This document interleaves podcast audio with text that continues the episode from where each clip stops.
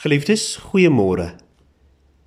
Efesiërs 5 vers 18 en 19 sê die volgende: Laat die Gees julle vervul en sing onder mekaar psalms, lofgesange en ander geestelike liedere.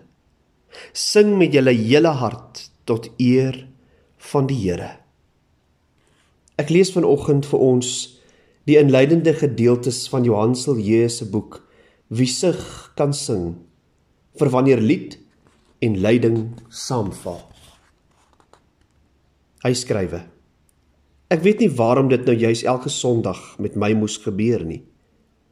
Maar vir die een of ander rede het ek altyd tussen die professor en sy vrou in die kerk beland. Miskien omdat hulle my 'n tyd lank as hulle eie seun aangeneem het.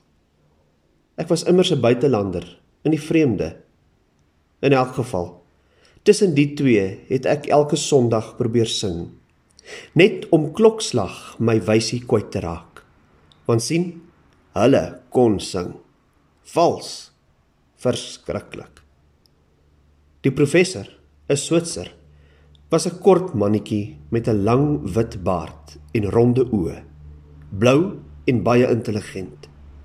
Sy vrou, 'n statige Duitse dame, was 'n hemelbesem.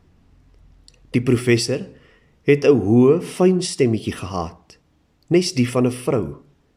Sy vrou het 'n diep baritonstem gehad, nes die van 'n man.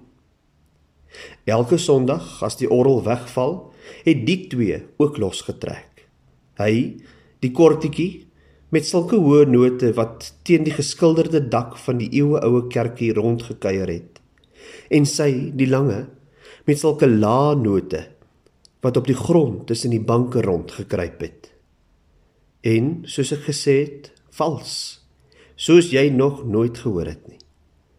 Tussen die uiterstes het ek ook probeer noodvat. Maar gewoonlik afwisselend of gepiep saam met die professor of gebrom saam met sy vrou. Nie dat hulle dit agtergekom het nie. Een ding wat my egter bygebly het deur die worsteling met note en klanke heen was die gees.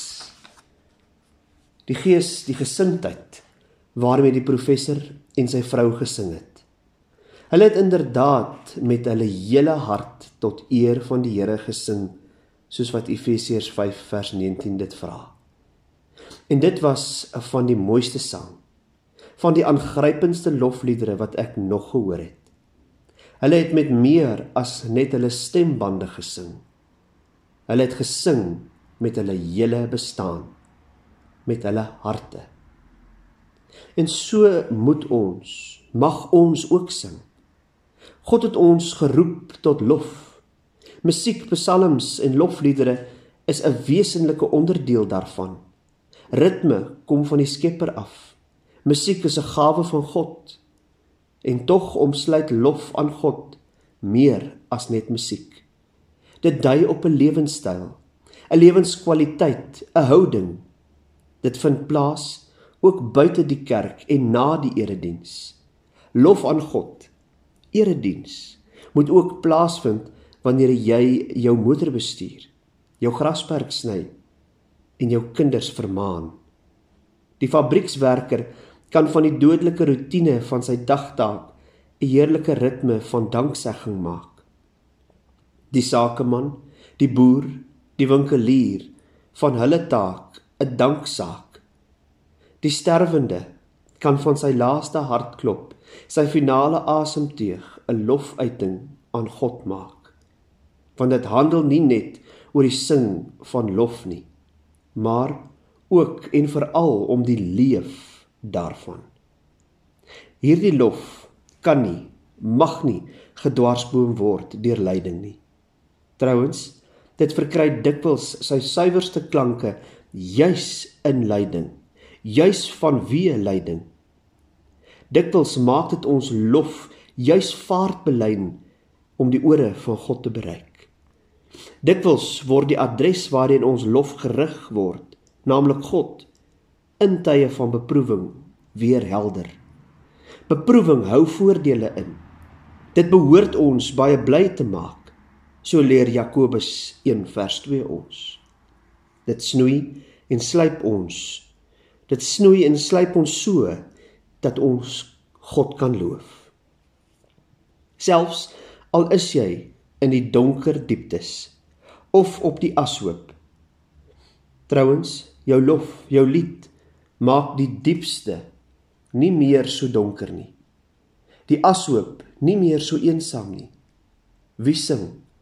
Wie met sy hele lewe sing, sien meer as wat op hande is, want hulle sien vir God. Dit kan gebeur wanneer lied en lyding saamval. Kom ons bid saam.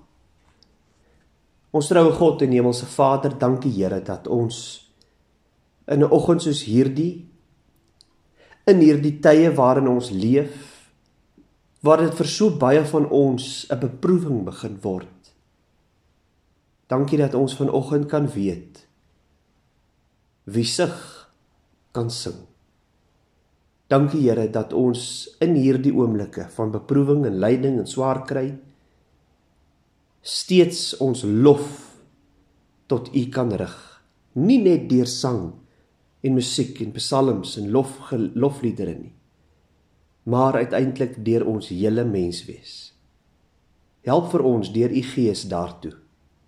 Ook in hierdie dag wat voorlê en vir die naweek wat ons ook nou het om weer te vier en naby ons geliefdes te wees. In Jesus naam alleen bid ons dit. Amen.